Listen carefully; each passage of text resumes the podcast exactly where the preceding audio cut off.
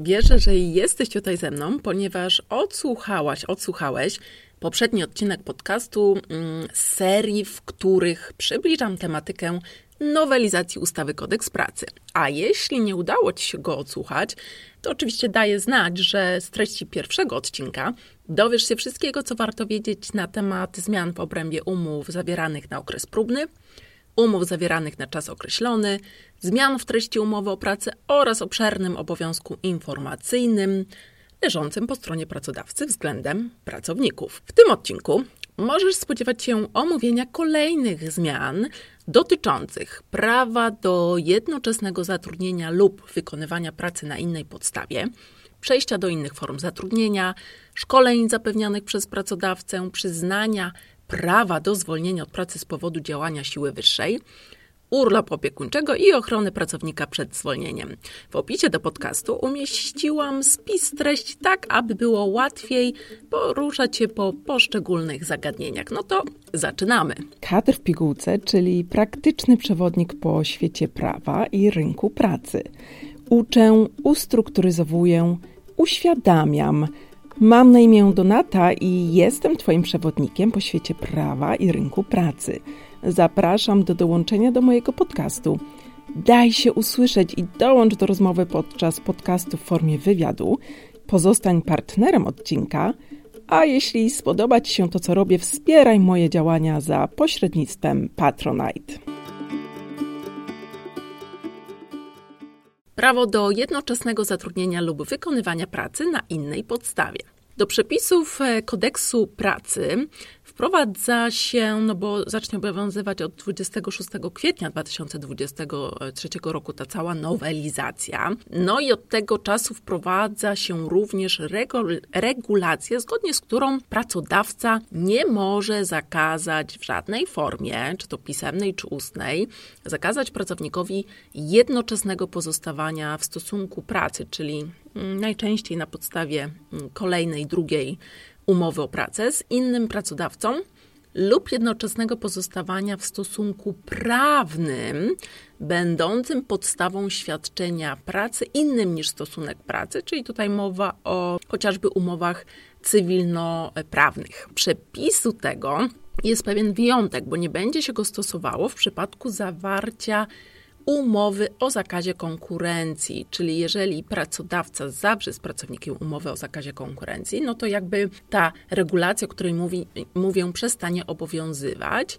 No i także wtedy, gdy odrębne przepisy stanowią inaczej. No i jednoczesne pozostawanie w stosunku pracy z innym pracodawcą, lub jednoczesne pozostawanie w stosunku prawnym będącym podstawą świadczenia pracy innym niż stosunek pracy, chyba że ograniczenie w tym zakresie wynikając z odrębnych przepisów nie będzie mogło stanowić przyczyny uzasadniającej wypowiedzenie umowy o pracę lub jej rozwiązanie bez wypowiedzenia przez pracodawcę, ale również tych nowych instytucji, o których mówiłam w poprzednim podcaście, czyli przygotowanie do wypowiedzenia lub rozwiązania albo przyczyny zastosowania działania mającego skutek równoważny do rozwiązania umowy o pracę. Czyli zakłada się, że wykonywanie równolegle innej e, pracy, nawet tożsamej, tak, tego samego rodzaju, mm, którą wykonujemy u, nazwijmy to, podstawowego, pierwotnego pracodawcy, nie może stanowić przyczyny uzasadniającej rozwiązanie e, umowy o pracę co do zasady.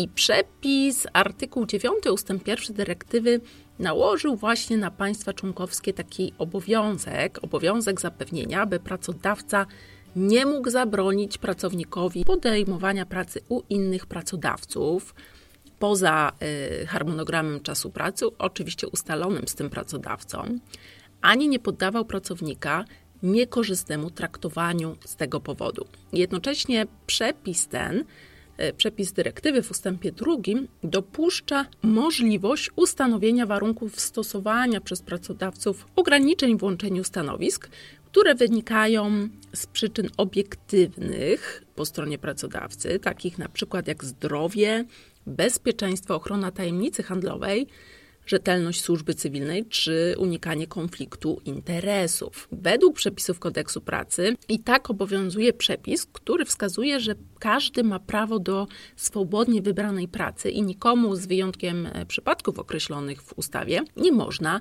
zabronić wykonywania zawodu. Jest to dokładnie artykuł 10 kodeksu pracy. Prawo to uzupełnia również e, artykuł 11 czyli swoboda nawiązania stosunku pracy, która po stronie pracownika oznacza swobodę wyboru zawodu, miejsca pracy oraz pracodawcy. I ograniczenia tej swobody, mm, wolności pracy w zasadzie mogą być wprowadzone jedynie w drodze ustawowej. Niemniej jednak te przepisy nie zawierają wyrażonego tego zakazu, o którym mowa w artykule 9 ust. 1 dyrektywy, co przyszłości mogłoby skutkować zarzutem Komisji Europejskiej braku właściwej implementacji tej dyrektywy. W związku z czym niezbędne było wprowadzenie do przepisów krajowych wyraźnej podstawy prawnej, na którą mógłby się powołać pracownik. Ustawodawca zdecydował zatem na wprowadzenie dodatkowej regulacji, która bezpośrednio wdraża ten przepis dyrektywy zgodnie z którą pracodawca no, nie będzie mógł już e, niedługo, 26 kwietnia, zakazać pracownikowi jednoczesnego pozostawania w zatrudnieniu. Przepisu, przypomnę jeszcze, mm, przepisu tego nie będzie stosowało się w przypadku zawarcia umowy o zakazie konkurencji lub wtedy, gdy odrębne przepisy będą tak stanowić. Jednocześnie ten zakaz którego adresatem jest pracodawca, nie może znaleźć odzwierciedlenia w treści umowy o pracę. Pamiętajmy, że w umowie o pracę zamieszcza się warunki pracy i płacy uzgodnione przez strony umowy, natomiast artykuł 26 prim kodeksu pracy zabrania pracodawcy, ten nowy oczywiście przepis, zabrania pracodawcy zakazywania jednoczesnego pozostawania w zatrudnieniu.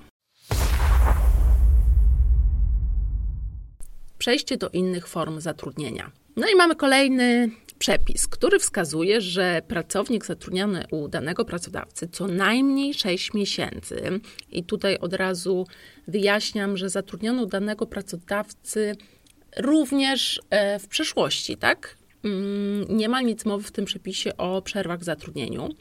Może od 26 kwietnia raz w roku kalendarzowym, czyli tylko raz, wystąpić do pracodawcy z wnioskiem Oczywiście już teraz ten złożenie wniosku w każdym przypadku jest możliwe w postaci papierowej lub elektronicznej. Może wnioskować o zmianę rodzaju umowy o pracę na umowę o pracę na czas nieokreślony lub bardziej przewidywalne i bezpieczniejsze warunki pracy, które polegają na zmianie rodzaju pracy, czyli na przykład z umowy na czas określony na czas nieokreślony lub zatrudnieniu w pełnym wymiarze czasu pracy, jeżeli pracownik jest zatrudniony w niepełnym wymiarze czasu pracy. Ma to jednak nie dotyczyć e, osoby zatrudnionej na podstawie umowy na okres próbny, no bo wtedy taka osoba wnioskowałaby do pracodawcy o zmianę rodzaju umowy na umowę na czas nieokreślony. To tutaj nie mamy takiej furtki. No i pracodawca powinien w miarę możliwości, więc mamy stwierdzenie w miarę możliwości, nie jest to bezwzględny obowiązek, uwzględnić taki wniosek pracownika. Pracodawca będzie musiał odpowiedzieć na taki wniosek nie później niż w terminie. No i tak to jest, jak nagrywamy podcast w domu. Czyli zapraszam na zakulisową e, odsłonę odcinka. E, jeden miesiąc od dnia otrzymania wniosku w razie nieuwzględnienia wniosku i musi o tej przyczynie odmowy pracodawca poinformować. No i tutaj jestem ciekawa, jak pracodawcy będą sobie radzić w uargumentowaniu takich um, przyczyn odmowy. Do 6-miesięcznego okresu zatrudnienia udanego pracodawcy będziemy wyliczali również pracownikowi ten okres zatrudnienia u poprzedniego pracodawcy, jeżeli jego zmiana nastąpiła na podstawie przejęcia części lub całości zakładu pracy, a także w tych przypadkach, gdy z mocy odrębnych przepisów nowy pracodawca jest po prostu następcą prawnym w stosunkach pracy nawiązanych przez pracodawcę poprzednio zatrudniającego tego pracownika. Ten proponowany nowy przepis wynika z artykułu 12 ust. 1 dyrektywy, zgodnie z którym Państwa członkowskie mają kolejny obowiązek zapewnienia, aby pracownik, który wykonuje pracę przez co najmniej 6 miesięcy u tego samego pracodawcy, a który zakończył ewentualny okres próbny mógł wystąpić o formę zatrudnienia, która jest uważana jako mm, ta z bardziej przewidywalnymi lub bezpieczniejszymi warunkami pracy. Oczywiście pod warunkiem, że jest dostępna, no i ma prawo otrzymać pisemną odpowiedź na ten wniosek wraz z uzasadnieniem. Państwa członkowskie jednak na mocy dyrektywy mogą ograniczyć e, częstotliwość składania takich wniosków. No i w naszym polskim ustawodawstwie ograniczono e, tą możliwość do jednego w roku. Przepis ten odpowiada, mm, przepisowi temu odpowiada również motyw 36 e, dyrektywy i z motywu tego wynika, że przejście do bezpieczniejszych form zatrudnienia oznacza właśnie przejście na zatrudnienie w pełnym wymiarze czasu pracy lub na umowę na czas nieokreślony.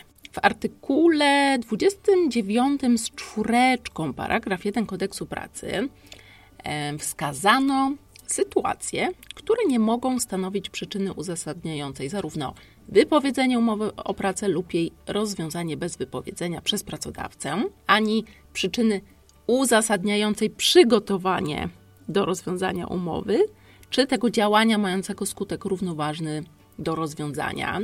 No chyba, że, i tu mamy pewną znowu furtkę, e, którą daje ustawodawca pracodawcy, chyba że pracodawca udowodni, że przy rozwiązywaniu umowy kierował się innymi powodami. No i tych powodów jest sporo, tak? Jeśli wystąpią, no to pracodawca nie może nie powinien przynajmniej e, rozwiązywać umowy o pracę, powołując się na te przyczyny, czyli na przykład wtedy, gdy pracownik skorzysta z prawa do wystąpienia z wnioskiem o zmianę rodzaju umowy, o czym przed chwilą mówiłam, albo w przypadku jednoczesnego pozostawania mm, w stosunku pracy z innym pracodawcą lub na przykład zleceniodawcą, czy wtedy, gdy pracownik będzie dochodził udzielenia informacji, czyli wystąpi do pracodawcy o udzielenie informacji o warunkach zatrudnienia lub ich zmianie, albo na przykład będzie chciał skorzystać z prawa zwrotu kosztów szkolenia oraz wliczenia czasu szkolenia do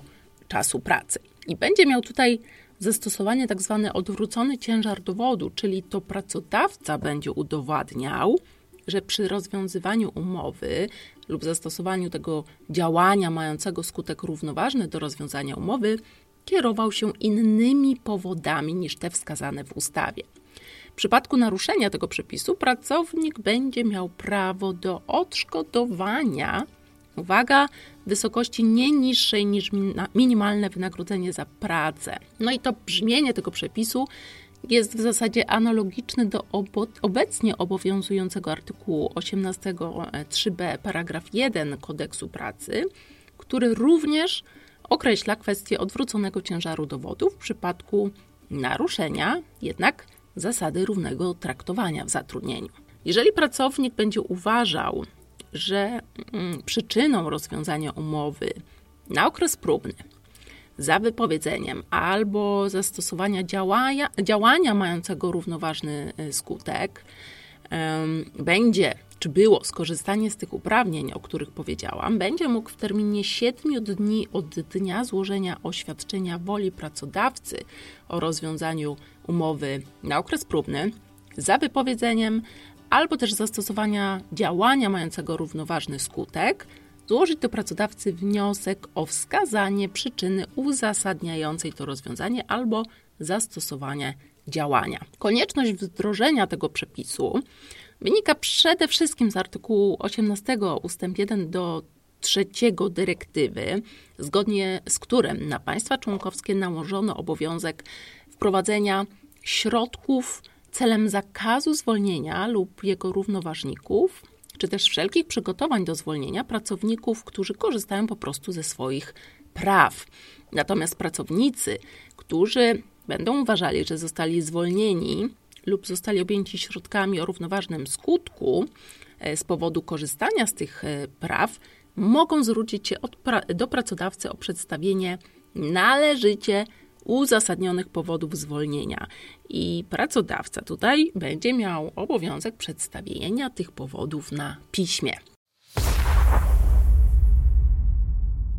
Szkolenia zapewniane przez pracodawcę. No, doczekaliśmy się nowego przepisu, a w zasadzie doczekamy od 26 kwietnia, artykuł 94.13 kodeksu pracy, zgodnie z którym w przypadku obowiązku pracodawcy przeprowadzenia szkoleń pracowników, które są mm, te szkolenia niezbędne do wykonywania przez nich określonego rodzaju e, pracy czy na danym stanowisku, szkolenia mają się odbywać na koszt pracodawcy, no i w miarę możliwości, w miarę możliwości w godzinach pracy pracownika. I czas takiego szkolenia, który, e, które będzie się odbywało poza normalnymi godzinami pracy, będzie się wliczało do czasu pracy.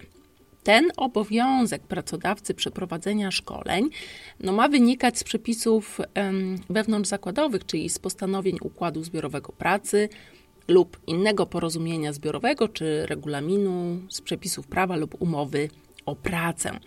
Dotyczyć to ma również szkoleń odbywanych przez pracownika na wyraźne polecenie przełożonego. Natomiast przyznanie pracownikowi prawa do nieodpłatnego szkolenia niezbędnego do wykonywania określonego rodzaju pracy lub na określonym stanowisku, będzie przysługiwało również wtedy, gdy na mocy umowy o pracę pracodawca będzie zobowiązany do zapewnienia pracownikowi takiego szkolenia oraz w przypadku szkoleń odbywanych przez pracownika na podstawie polecenia przełożonego, a także zapewnienie, że szkolenia takie będą nieodpłatne, jednak co ważne, będą zaliczane do czasu pracy pracownika i w miarę możliwości będą odbywały się w godzinach e, pracy, mm, jeżeli jest to konieczne ze względu na zapewnienie spójności rozwiązań prawnych.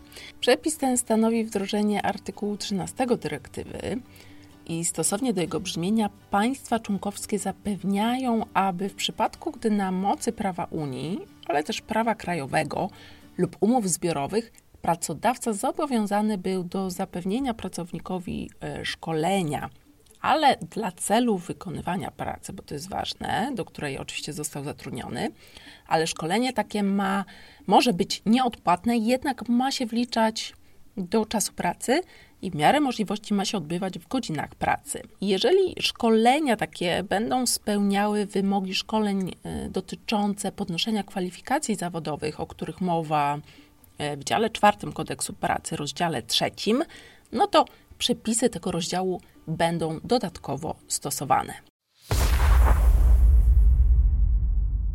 Przyznanie prawa do zwolnienia od pracy z powodu działania siły wyższej. Dodaje się artykuł 148 prim kodeksu pracy, zgodnie z którym pracownikowi ma przysługiwać w ciągu roku kalendarzowego zwolnienie od pracy z powodu działania siły wyższej w pilnych sprawach rodzinnych spowodowanych chorobą lub wypadkiem, jeżeli y, obecność pracownika jest niezbędna i w wymiarze dwóch dni lub 16 godzin z zachowaniem prawa do połowy wynagrodzenia.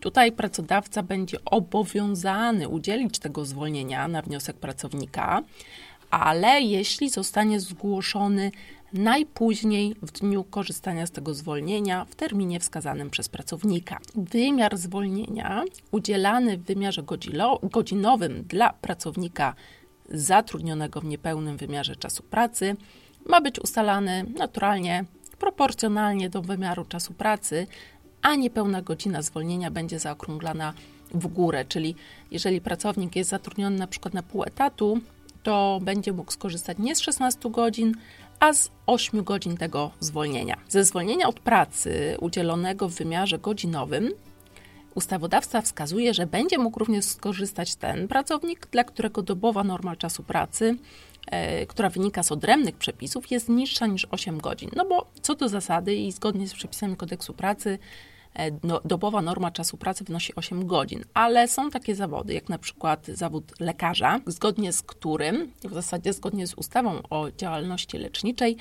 e, lekarz wykonuje pracę przez 7 godzin 35 minut. Także do takich pracowników również będzie miało zastosowanie, będzie miał zastosowanie ten przepis. Za czas tego zwolnienia, tu trzeba o tym pamiętać, pracownik zachowuje prawo do połowy wynagrodzenia, które jest obliczane co do zasady jak wynagrodzenie za czas urlopu wypoczynkowego i wynika to z paragrafu 5 rozporządzenia, które wskazuje sposób ustalania wynagrodzenia w okresie niewykonywania pracy. Mm, tak jak w przypadku urlopu na żądanie, pracownik będzie składał wniosek e, w każdej dostępnej formie. Natomiast rozumienie siły wyższej zostało wyjaśnione w orzecznictwie i zgodnie z nim za siłę wyższą, wyższą uznaje się zdarzenie, które jest zewnętrzne, niemożliwe do przewidzenia i któremu nie można było zapobiec.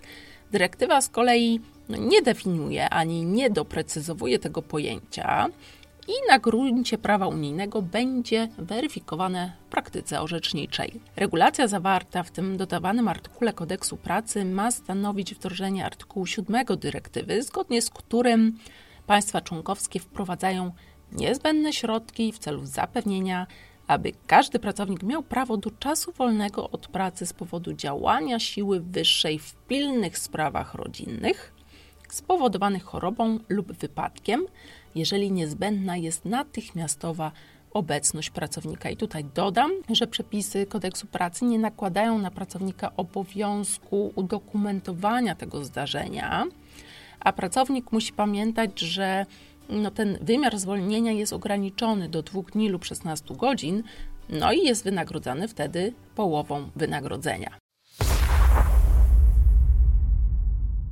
Przyznanie prawa do urlopu opiekuńczego. O, wszyscy mówią o tym urlopie opiekuńczym, y, że pracownik będzie mieć prawo do dodatkowych dni urlopu. Y, swoją drogą bardzo nieszczęśliwa nazwa tego urlopu, bo urlop opiekuńczy kojarzy nam się wszystkim z tymi dniami wolnymi w celu sprawowania opieki nad dzieckiem, y, który przysługuje na mocy artykułu 188 kodeksu pracy, ale urlopem opiekuńczym nazwano inny urlop. I tutaj w ciągu roku kalendarzowego pracownikowi ma przysługiwać ten urlop w celu zapewnienia osobistej opieki, ale także wsparcia osobie, która jest członkiem rodziny albo, a raczej lub, zamieszkuje w tym samym gospodarstwie domowym co pracownik i wymaga opieki lub wsparcia z poważnych względów medycznych w wymiarze pięciu dni.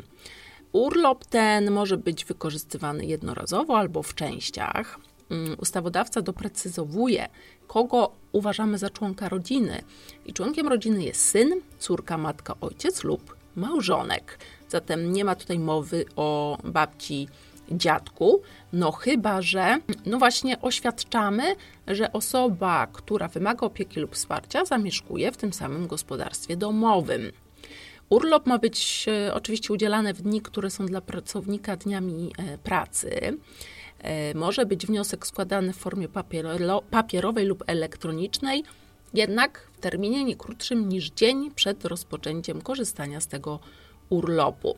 Co będzie konieczne, żeby pracownik wskazał we wniosku o urlop opiekuńczy? To imię i nazwisko osoby, którą będzie się opiekował, przyczynę konieczności zapewnienia tej opieki lub e, wsparcia, a w przypadku członka rodziny również stopień pokrewieństwa z pracownikiem, a w przypadku osoby nie będącej członkiem rodziny adres zamieszkania tej osoby. Przy czym skoro ubiegamy się o, o urlop opiekuńczy na osobę, która nie jest członkiem rodziny, a zamieszkuje w naszym miejscu zamieszkania, no to tutaj osobiście uważam, że musimy wskazać tożsamy adres zamieszkania jak nasz. Nasz mam na myśli pracownika. E, adres ten ma być podawany w celu potwierdzenia, że osoba nie będąca członkiem rodziny zamieszkuje właśnie z pracownikiem w tym samym gospodarstwie domowym. E, I tak jak powiedziałam, we wniosku a powiedziałam w przypadku tego e, prawa do zwolnienia z powodu działania siły wyższej. Natomiast tutaj w tym wniosku również nie wskazujemy szczegółowych informacji o stanie zdrowia e, osoby, którą mamy się zajmować, a jedynie wskazujemy przyczynę konieczności e, zapewnienia tej opieki, tak? Czyli że chodzi tutaj o poważne względy medyczne, powodujące na przykład, no nie wiem, tak sobie wyobrażam, niemożność poruszania się, w związku z czym osoba ta potrzebuje naszego e, wsparcia. Co ważne, za czas tego urlopu opiekuńczego pracownik nie zachowa prawa do wynagrodzenia, więc mamy prawo do maksymalnie 5 dni urlopu opiekuńczego, ale to bardziej taka furtka do tego, żeby w zasadzie można by skorzystać z urlopu bezpłatnego, no ale urlop bezpłatny nie został zdefiniowany, w jakim celu może być wykorzystany, a w przypadku tego uprawnienia został wyraźnie wskazany. I regulacje te stanowią wdrożenie artykułu 6 dyrektywy, zgodnie z którym państwa członkowskie zostały zobowiązane do wprowadzenia niezbędnych środków w celu zapewnienia, aby każdy pracownik miał prawo do takiego urlopu opiekuńczego w wymiarze 5 dni roboczych w roku. Oczywiście państwa członkowskie e, mogły we własnym zakresie mm, określić dodatkowe szczegóły dotyczące zakresu i warunków e, tego urlopu. Artykuł ten 173 prim kodeksu pracy wdraża także postanowienia dyrektywy zawarte w innym artykule, trzecim litera C, który definiuje pojęcie urlopu opiekuńczego i zgodnie z nim urlop opiekuńczy oznacza urlop dla pracowników umożliwiający zapewnienie osobistej opieki lub wsparcia krewnemu lub osobie zamieszkującej z pracownikiem w tym samym gospodarstwie domowym, którzy wymagają znacznej opieki lub znacznego wsparcia z poważnych względów medycznych określonych przez poszczególne państwa członkowskie. E, przepis ten uwzględnia także motyw 27 dyrektywy, który w szczególności określa, że aby zapewnić mężczyznom i kobietom pełniącym obowiązki opiekuńcze większe możliwości pozostania na rynku pracy, każdy pracownik powinien mieć prawo do urlopu opiekuńczego wynoszącego 5 dni roboczych w roku. I państwa członkowskie mogły zdecydować, czy urlop będzie wykorzystywany w częściach obejmujących od jednego do kilku dni roboczych na konkretny przypadek.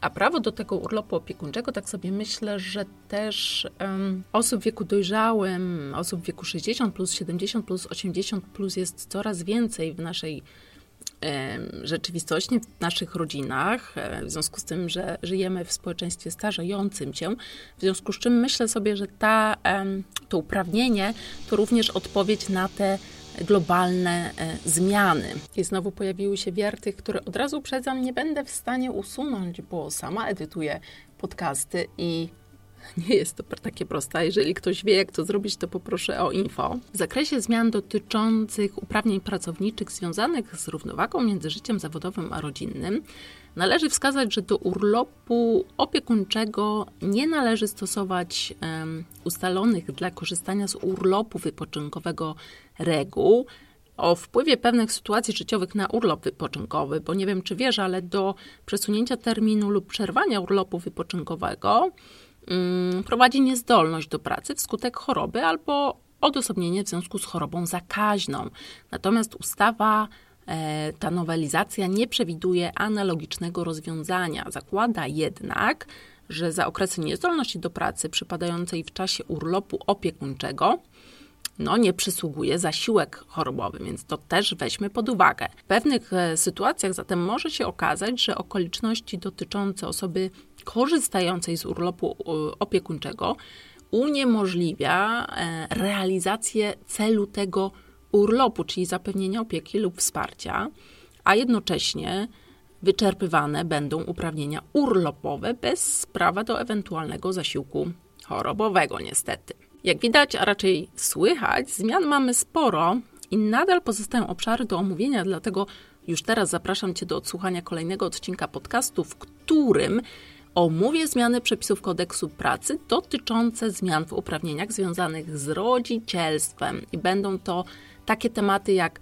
wydłużenie okresu, w którym pracownik wychowujący dziecko do czwartego, a raczej ósmego roku życia e, może wyrazić zgodę m.in. na pracę nadliczbową, zmiana zasad wykorzystywania urlopu rodzicielskiego, nowe przepisy dotyczące elastycznej organizacji pracy i sankcje za nieinformowanie pracownika o warunkach zatrudnienia i za nieudzielenie pracownikowi odpowiedzi na jego wniosek.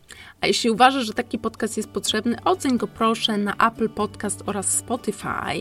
Y, podcast znajdziesz również na YouTubie i stuknij subskrybuj. A jeśli uważasz, że słuchasz podcastu, który na pewno spodoba się koledze lub komuś z rodziny, udostępniaj koniecznie. Dzięki i do usłyszenia.